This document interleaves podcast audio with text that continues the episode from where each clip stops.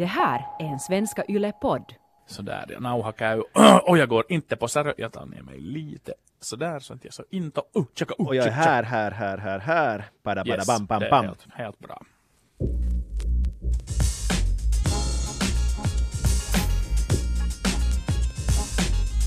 Här är vi igen. Yle Sportens podd och avsnitt 37. Chris Vuojärvi heter jag och mitt radarpar i Jakobstad heter Antti Koivukangas god eftermiddag, förmiddag eller kväll, natt för den delen beroende på när ni lyssnar på det här. mm, Antti, vad ska vi säga om dagens upplägg? Ett uh, nygammalt koncept eller hur? Hur skulle du karaktärisera det? Jag skulle kanske mest karaktärisera det som riktigt gammalt. Men kärt! Det är väl kanske så att när man har haft något, något koncept som man, man har, har tyckt om så är det lätt att ta tillbaka ett sånt för att eh, liksom nå ett syfte.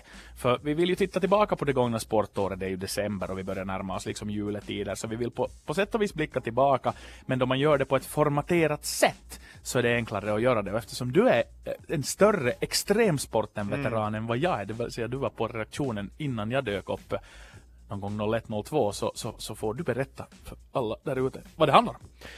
Uh, I tidernas begynnelse fanns det en inslagsserie som hette Inne och utelistan. Hanske Grönqvist gjorde den varje vecka, till och med då han var på semester och han installerade till och med en sån ISDN-linje hem till sig till Borgå landskommun och Borgå och Ernestas där han bor för att han kunde leverera den här. Sen utvecklades det hela till att kallas för Såg och segraren och det är väl det är det konceptet som vi sammanfattar idrottsåren nu den här veckan. Sen nästa vecka blir det ett specialavsnitt av podden, eller hur? Jajamensan, och Såg och segraren var ju alltså ett veckovis inslag tidigare. Det inkorporerade också element av någonting som hette Skruven av vår nuvarande sportchef Johan Portin, så att man slog ihop många ting och gjorde en gemensam produkt som först gick ut varje vecka på helgerna, gjord av en redaktör, sen blev det en redaktionsprodukt där man gjorde en såg varje dag. Men hur som helst, poängen bör vi väl påpeka var och är att såga i stigande skala.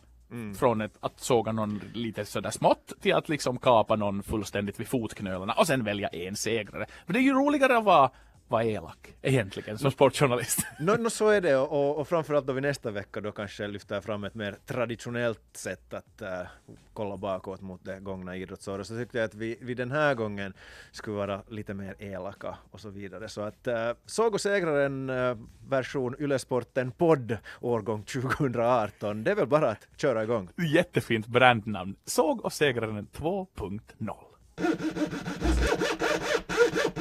I stigande skala eh, gör vi oss alltså roliga och eh, hoppeligen intressanta kring fenomen som har hänt under det gångna sportåret och, och jag tar äran att inleda här Chris och, och börjar med, med det som vi kallade för minisåg. Då handlar det alltså om liksom den lägsta graden av sågning och, och det här ska jag tillägga här själv att min minisåg här är en snäll såg. Men jag vill ändå såga Oliver Helander.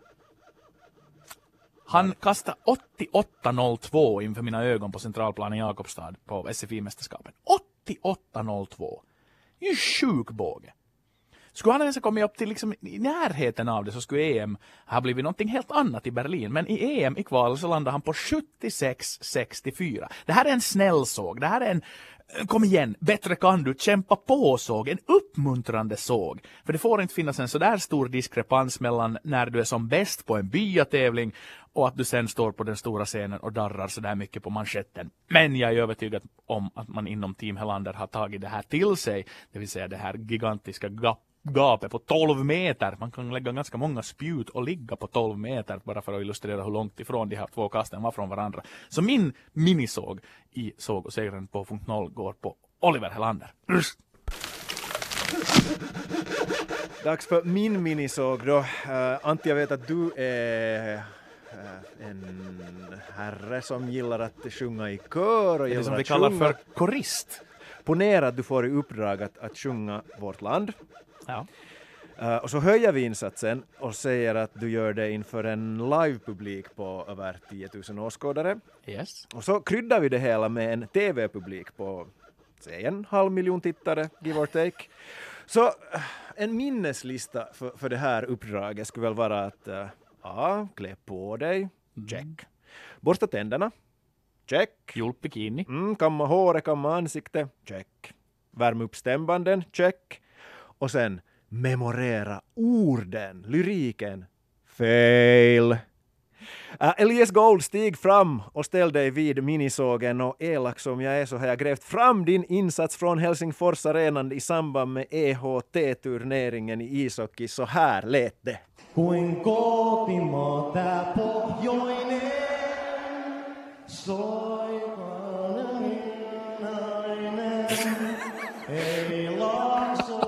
det roliga är att, att då jag tittade på det där klippet och grävde fram det här materialet så, så Jukka Jalonen zoomades in där exakt just då det gick åt pipan för Elias Gold. Priceless Mm, reaktion. och han var sådär, oh.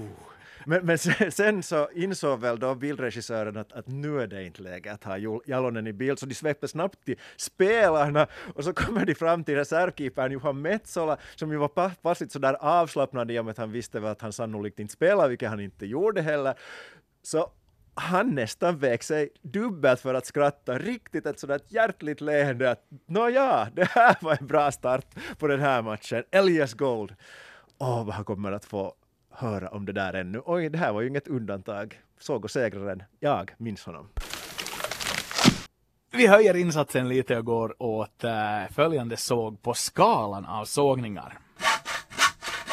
Jag riktar bladet den här gången på SJK. Hur kan man bli nionde med det material man har och den svanshållning man för sig med? Det överträffar full, fullständigt mitt förstånd fortsättningsvis. Och att efter hela den här Valakari, Boström, Rocka, Page, Kautonen karusellen landa på en mångårig lösning med Alexej Jeremenko i år som inte bär frukt överhuvudtaget.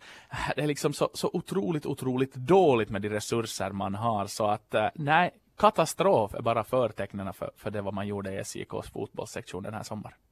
Och visst var det lite, jag tyckte i alla fall att det var lite överraskande med tanke på de värvningar SJK gjorde. Det var jättemycket Jarro-stämpel över det hela. Gamla ja, jaroiter, ja. varför? Exakt. Ja, det är bra fråga. Ring dina gamla cavalries så kommer de att reda upp det hela, vilket de inte gjorde. Shadow Winchester och sådana killar liksom. Boris Kadillo har ju för sig varit bra i Voriansk mittback, eh, så att han är väl kvalitetsvärvning. Men där är ju, där är ju en halv Jaro-elva egentligen var i organisationen mot slutet med Opio, Winchester, Kadio och Jesse Öst mellan stolparna. Så att ja, märkligt, märkligt, märkligt. Och inte vad jag nu har pratat med folk inom SJKs organisation som jag har träffat på olika äh, sammanhang under det här året så inte är ju tilltron i äh, Österbottens andra huvudstad hemskt stor till att, att Jeremenko på lång sikt är det tränarnamn som ska föra SJK tillbaka till, till medalj, vad det nu måste vara liksom minimimålet, även om de hävdar att det här med serieplatsen, det var nog bra att vi fixade det. Det är det inte.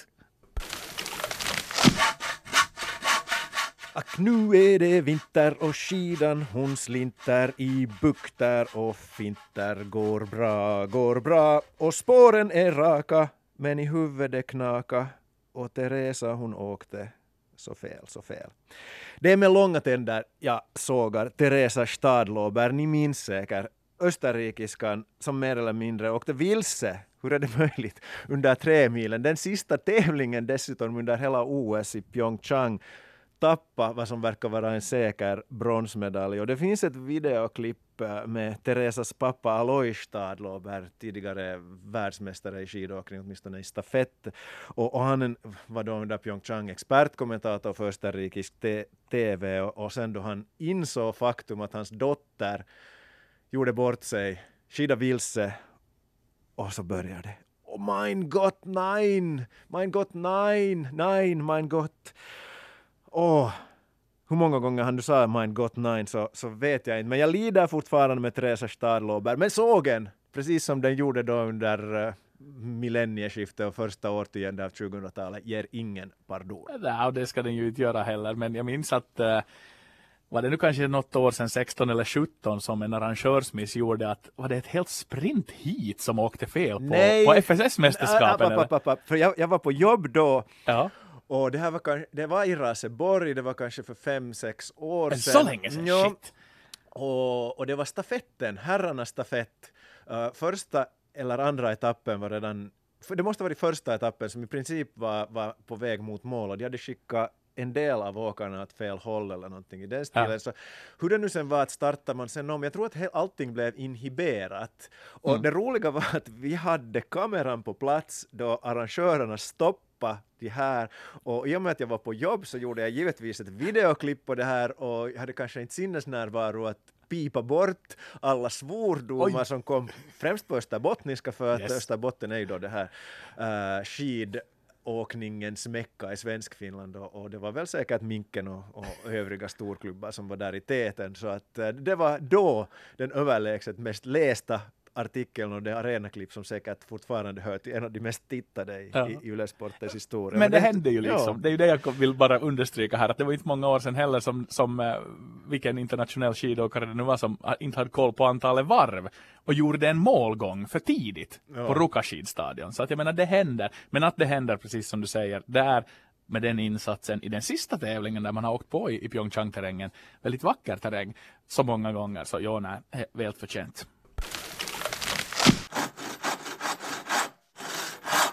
Vi är mitt i sågandet nu och kommer till, vi kallar den för mellansågen och, och, och här, här riktar jag klingan äh, mot på sätt och vis hela, hela fotbollsåret för Tyskland och deras A-landslag. Kvaliteten fanns, vinnarkulturen fanns, allting fanns där för en repeat av VM-guldet. Till och med med ett äh, Confederations Cup-guld i bagaget med spännande spelare och intressanta lirare det gick liksom snett redan mot Mexiko. Sen fick de en, en, en livlina med den där härliga frisparken äh, mot Sverige. Uh, och sen äh, totalfallerar man och havererar man mot Sydkorea. Upptakten var inte bra till VM-turneringen heller. Uh, VM blev ett fiasko, man blev sist i gruppen. Och så avrundar man fotbollsåret med att bli nedflyttade i Nations League till grupp B, division B, dit Finland stiger. Så att Tysklands fotbollsår 2018 får nog uh, inga, inga plus i kanten överhuvudtaget. Ett totalt magplask 2018 i Ja, landslagsfotbollen. det enda som jag tycker att saknades, är liksom det skulle vara en total kollaps och, och så där man skulle strö så mycket salt bara som finns i tyska fotbollsår, är det att, att den här gången så höll väl sig Jogi Löw, Joachim Löw, den tyska förbundskaptenen, i skinnet. Uh, det var ju det där ena VM-turneringen då han åt, åt upp sin egen kråka, och den annan var det EM-turnering då han, då han no, krafsade sig i familjejumelerna och Ja. dessutom sniffa på sina fingrar. Exakt. Något snarlikt har jag inte minne av att, att Löv skulle ha gjort den här gången Eller, eller... inte åtminstone som har fastnat på bild.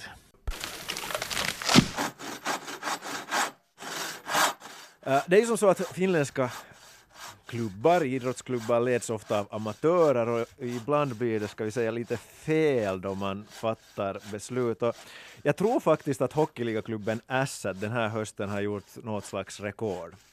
Ett mindre smickrande sånt bör väl tilläggas. Uh, nu är det så att jag inte ens behöver jag tycker att jag inte ens behöver leka med ord eller vara finurlig för att det här ska bli, bli komiskt.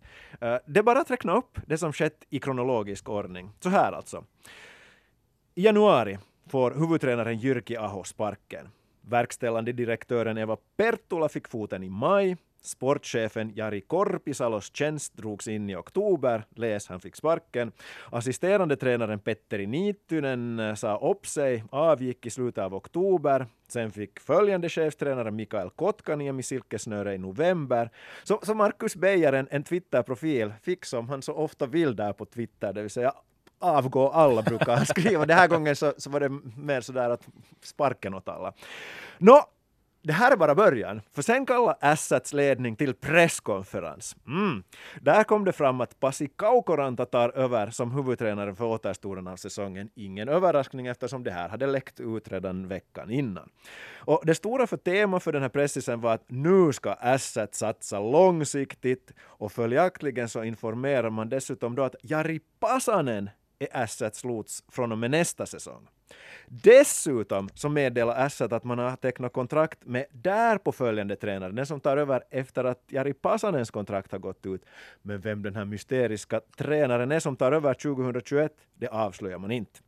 Nå, nu är det här lite som TV-shop, sådär att, att det är bara att säga “but wait, there's more”.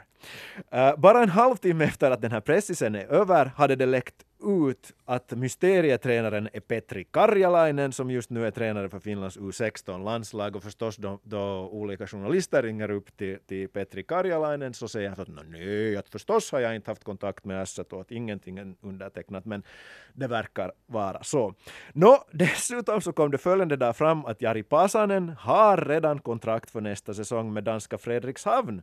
Och den där danska klubben går inte med på att bryta det här kontraktet så Asset är igen utan tränare nästa säsong. Uh, här finns ännu detaljer som jag kunde räkna upp, men, men jag tror det rä räcker här. Men, men, men någonstans så tycker jag kanske det mest tragikomiska i hela den här soppan är att spekulera i hur det här nu skulle kunna fortsätta. Tänk er, ponera att Pasi Kaukoranta nu gör succé under återstoden av säsongen. Hur roligt skulle det ha varit då för Jari Pasanen, om han inte skulle haft kontrakt med den danska klubben, att komma in där då, då Kaukoranta ränner någon form av Midas. Eller så skulle det kunna gå som så då att Jari Pasanen skulle lotsa Ässät till mästare och, och sen tar hans kontrakt bara ut, går ut och så kommer den här mysterietränaren och hoppar in efter Pasanen som, som redan är firad hjälte i, i Björneborg. Här, är- här är så många märkligheter i den här soppan så att Ässät, ja, de satt nog ribban väldigt högt på att höja åtminstone intresse för, för presskonferenser som den klubben arrangerar i Ja, framtiden. kab- kabinettspel är ett, ett vackert och om de nu var eh, dåliga på det här med kabinettspel så de ligger ju faktiskt sist i serien för tillfället också. Och det är kanske inte så jätte, jätte överraskande heller. Nej, men, men nu är det ju någonstans också att, att tänk hur det kan vända. För ba- bara var det 2013 som Ässät sensationellt vann ligaguld. Ja. De gjorde, gjorde dessutom därefter några väldigt starka, ekonomiskt starka år. Och nu är man igen tillbaka där då allt pekar rakt ner i källaren för, Ja, jag kan tänka mig att klubben. någonstans i Montreal sitter en ganska nöjd ung snubbe och konstaterar att det var nog ganska okej sen också att jag inte återvände för att bli första center i Ässät den här säsongen, Jesper. Kotkaniemi. För det var ju snack, det var ju uppför, Jo, jo, så uppsnacket var det ju inför tank- säsongen var ju att, att han, han spelar nog säkert inte mer än de där max nio matcherna för att inte trigga hans, hans rookie-kontrakt utan han är tillbaka och han blir galjonsfiguren för Ässät den här säsongen och äh, att han skattar nog sig lycklig där han är just nu. Vi börjar närma oss det tunga gardet. Om inte jag minns helt fel, maskinella sågar dessutom när det kommer till ljudeffektspaletten. Och här vill jag rikta en klinga mot Serena Williams. Äh, hennes beteende i US Open-finalen var respektlöst. Hon gick för långt, speciellt då efter att hennes tränare medgav att han bröt mot reglerna genom att coacha från läktaren. Att det här med att det kokar över, det förstår man och parallellerna har ofta dragits till till exempel John McEnroe som ju hyllades för att det kokade över, förväntades att det skulle koka över och blev den spelare han blev och den grenlegend han blev för att det kokade över. Eh, men i något skede så borde hon Serena helt enkelt ha gått ifrån det hela den där dagen som ju framförallt borde ha varit Naomi Osakas. Hon spelade alldeles lysande tennis, vann den största triumfen i karriären och tyvärr så är allt vad folk minns och snackar om efter den där finalen Serena Williams utbrott. Åh, vad onödigt. Och Serena Williams som någonstans ändå har varit en, en, en sån idrottsfigur som har nått över grengränser och över alla möjliga brutit barriärer och, och talat för saker som både du och jag vurmar för, det vill säga jämlikhet och lika prispengar för damer och herrar. Så nu Alltså plötsligt- ikonisk helt ja, enkelt. och nu så, så åh, åtminstone en rejäl smolk i bägaren som tar ganska länge igen för att äh, den ska putsas upp. Men, men mm, från tennisen till fotboll. Min såg hugger nu tänderna i Neymar. Och då jag nämner Neymar och jag säger VM i fotboll så kanske ni tänker er redan fram vad jag tänker på i och med att det här ska vara lite sådär putslustigt. Jo, för att Neymar tycker jag tog skådespeleriet till en ny kosmisk och komisk nivå under VM och, och han gav ny betydelse för uttrycket bita i gräset och jag, jag tror inte ens för att nu lite överdriva, att brottningslegendaren Alexander Karelin gjorde lika många rullningar under sin karriär som Neymar under VM i, i, i Ryssland. Och det hela blev ju sen jätteunderhållande för gamla goda internetet kan man lita på för, för det gjordes ju en massa roliga videoklipp och, och, och på en inom i citat smärtor rullande Neymar så, så editerades in i diverse filmklipp. Min favorit är kanske den då Neymar rullar och rullar och rullar och rullar och rullar, når plötsligt straffområde. Sen kommer Brasiliens målvakt Alisson upp och stampar på Neymar så Neymar försvinner så där som en ballong som spricker, för det hade visst varje en Ja, annan match en kul. ballong som kom in. Så att här klipptes två olika uh, matchsekvenser ihop på ett ganska finurligt sätt.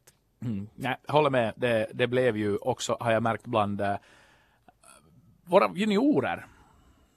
När jag är juniortränare så, så hans äh, status som en världslirare äh, är inte det man känner honom som nu utan när någon filmar, faller, rullar, gör sig illa så, så är det att göra en Neymar. Och det är ju inte liksom så kiva för att visst har han sina spelkvaliteter men ja absolut, när det där dansandet i VM, det, det, var, nog, det, var, det var nog tungt.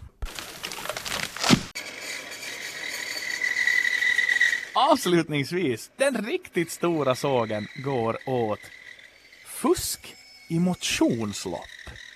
Och det här får mig att äh, återkalla till minnet den gode Kai Korkeahos roman Gräset är mörkare på andra sidan, om det nu heter det får Kai ursäkta. Men, men, men jag minns hur pärmen ser ut och jag minns starten. Jag minns inte var den där boken landade sist och slutligen. Men där ordnades ett, ett motionslopp i eh, den fiktiva byn Gränby i Pedersöre. Datumet var till och med publicerat där i boken jag skummade igenom den den 7 maj. Och i Storsjöarloppet så hände någonting så skandalöst som att prästen Simon Fredström Gina och fuska. Och eh, jag tror det är kapitel två som slutar med, med, med det här en, en, en total motsägelse mot att, att, det här kan inte ha hänt att, att uh, du ljuger eller fantiserar. Präster fuskar inte. Det här var poängen i boken. Men det exempel från det gångna året som jag, jag, jag återkallar i minne är ganska färskt. För jag sysslar själv med de här motionsloppen och har varit med i både trailmaraton och, och, och halvmaraton. Och att 258 deltagare totalt fuskar på Shenzhen halvmaraton är för mig fullständigt oförklarligt. Jag menar fusk i idrott bör fördömas, det är vi väl båda överens om. Oh yes. Men jag frågar mig om inte liksom fusk i motionsidrott är liksom ytterligare klasser värre med tanke på insatsen, som ju på det viset inte finns. När du anmäler dig till ett halvmaratonlopp eller, eller en i mängden, en där i klungan, så är det nog inte fan poängen då att du ska liksom go the distance.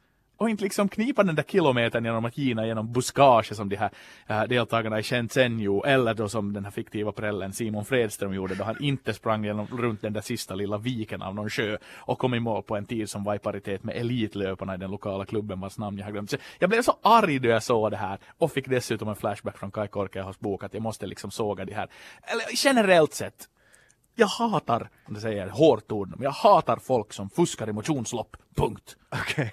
Och, och, och deras bestraffning blir väl för att koppla till Kai Korkeahos böcker att, att alla de här fuskarna blir hemsökta av ramt. Som ju Troligtvis. jag tror att han var ramt för mig i Korkeahos första bok. Ja.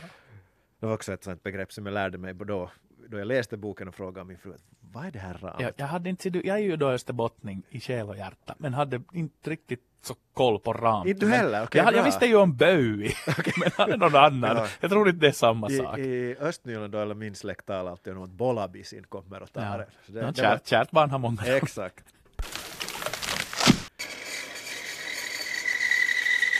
Okej, min cirkelsåg så går mot ett eh, namn som minsann har fått utstå spott och spe, men det räcker med att säga namnet Lauri Marjamäki för att också de måttligt sportintresserade finländarna ska få veckad panna. Eh, jag försvarar själv Marjamäki in i det sista, det så tyckte jag hoppfullt ut inför OS, det- det såg lovande ut under VM. Så den här sågningen drabbar mig nästan lika mycket som den förre Lejonlotsen. Mm, ja, visst, Finlands ishockeyherrar vann avsevärt fler matcher än de förlorade förra säsongen. Det här påpekar Marjamäki gång på gång då förra säsongen kommer till tals, men jag vill citera Seinfeld. Jada, jada, jada. Toppidrott handlar om att vinna medaljer och vinna de rätta matcherna och Lauri Marjamäki kamma noll. Vad skulle Hannu Jortikka säga? Jo, nolla plus nolla plus nolla plus nolla och nolla. Finland spelar fyra storturneringar under Marjamäkis ledning. World Cup, två VM, ett OS. Under Marjamäkis ledning var saldot just det. Noll medaljer. Vem var den senaste finländska förbundskaptenen i ishockey som inte tog medalj före Marjamäki? Jo, Rauno Korpi 1986 till 1987. Finländsk ishockey har förändrats en hel del. Hoho, Marjamäki, det var inte vackert. Nej, och inte speciellt inte med tanke på var finsk hockey generellt anses ligga just nu med total dominans i NHL och medaljplaceringar på juniornivå. Så no, någonstans är det ju liksom att, att fingret pekar, precis som du gör här nu, även om du tidigare kanske var lite mer positivt inställd. Så det här, nej, oförklarligt dåligt saldo, jag håller med. I den avslutande delen av såg och segraren så hyllade vi ju alltid en segrare. Och det gjorde vi till takterna av lite olympisk musik, en olympisk hymn som fick signalera att uh, veckans uh, segrare var korad, en människa som hade gjort sig förtjänt av att... Eller ett lag. Ja, eller ett lag. Eller ett fenomen. Uh, eller vad som helst, men hur som helst. I motsats till de här fem tidigare uh, som sågades så, så kom hyllningen i slutet och uh, varför skulle vi nu frångå från det vinnande konceptet från 2000-talets tidiga halva? Så vi, vi hyllar varsin segrare här också. Ja, jag vill plocka fram en doldis. Ville Pasanen. Ringer några klockor? Nej. Det är inte Petri Pasanens uh, long lost brother, utan det är vad det nu påstås och vad media har rapporterat, mannen som egenhändigt räddade Petra Ollis VM-guld i brottning. Ah! För man jag har sällan sett en så kaotisk upplösning på någonting och nu är jag ju sportjournalist uh, inne på mitt snart tredje decennium i branschen uh, och har ju nog varit med om, om, om många situationer där, där man nog sen ändå sist och slutligen haft koll. Och vi bänkar ju oss för att se på den här brottnings-VM-finalen eh, mellan Daniela Page och Petra Olli med, med mina söner. Och eh, brottning är ju sist och slutligen i grund och botten, kan man tycka, ganska enkelt. Du ska liksom få den andra på fall. Och poäng går att avläsa, det kan till och med sönerna avläsa att, vad, vad, vad poängen är. Och det tog så sjukt länge att reda ut vem som hade vunnit och det som alltså händer är att uh, Ollis tränare Ahto Raska uppenbarligen i misstag utmanar den poäng som Lapage kvitterade till 5-5 med vid ett läge där det här 5-5 resultatet skulle räcka för Ollis del till ett VM-guld. och hade det blivit avslag på den här protesten, då hade kanadensiskan fått poäng och vunnit. Så katastrofen är ett faktum. Domarbordet, eh, domarpresidiet är som så här att jaha, här ska vi kolla hur det har gått till.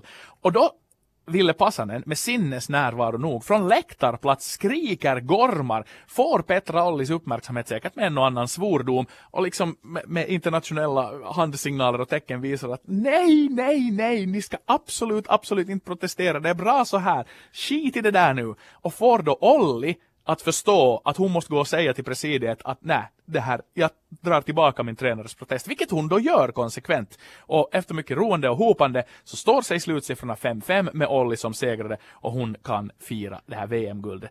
Uh, eh, unsung heroes och otippade avgöranden. Uh, årets stora segrare då i paritet förstås med Petra Olli som bärgade det där VM-guldet med sin fantastiska brottning, är Ville Passanen. Nu får Olli med ett VM-guld i bagaget sikta vidare som en, en riktigt stor, fin stjärna och vinnare mot Tokyo om två år. Och, och då dessutom Finland inte har tagit ett VM-guld sedan 1997. Så, så det förstärker ytterligare med, mitt intryck av att, att Ville Passanen stått för årets bragd. Bra.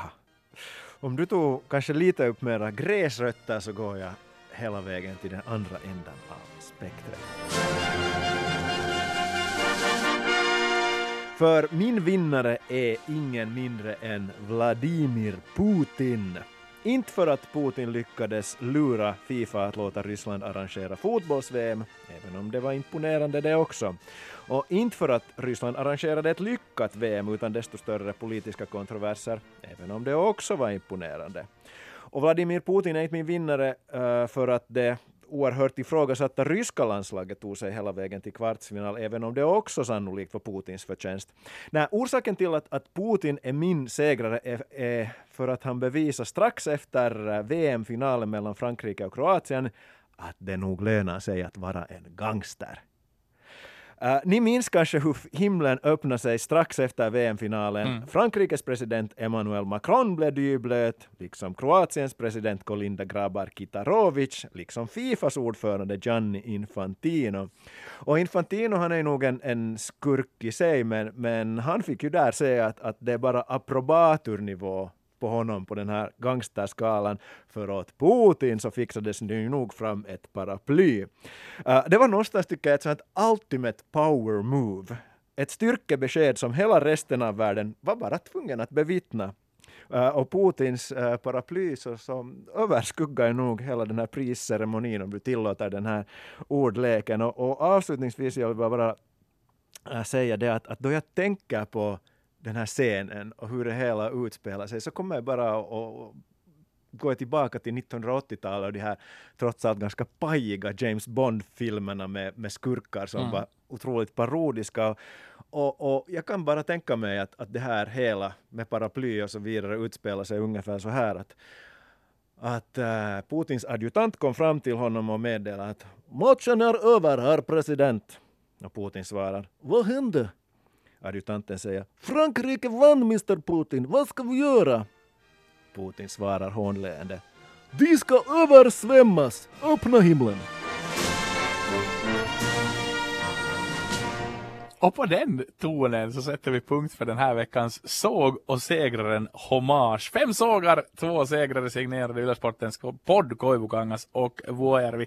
Som ingalunda tar julpaus även om vi nästa vecka återkommer i ett lite annorlunda format. För Chriso, du ska vara ledig. Mm, jag ska vara ledig över julhelgen men bara kort. Jag återvänder på jobb strax efter jul annandag för det ska bli Tour de Ski och Alla referat gånger, ja. För, för mig. Så, att, så att kort dessa julledighet för mig. Mm. Men njut av den under tiden så, eh, så kommer vi att alstra fram en uh, audioprodukt där eh, Magnus Hansén får fungera som programledare och han har samlat då fyra kon i studion. Koivukangas, För- Ja, Anki Karhu, Karhu, Kai Kunnas. Kunnas och den långsökta Kunis stora son. Kristoffer Herbert. Herbert. Vi Yes, kör- team. Årskrönika modell 2018 av kanske lite mer traditionellt stuk än idag men den här podden publicerar vi på julafton. Så äh, det återstår väl att önska äh, alla poddlyssnare en god jul antar jag. Ja, riktigt god jul. Och, Mhm. och så återkommer vi. Hur gör vi med, med podden på, blir det nyårsafton? Jag, väl? jag vet, jag är inprickad på jobbet, är inte du det då? Ja. No, men då kör, kör vi. vi, ja. Då blickar vi framåt mot 2019. Äh, podden som vanligt, arenan, iTunes och Spotify. Vi hörs igen.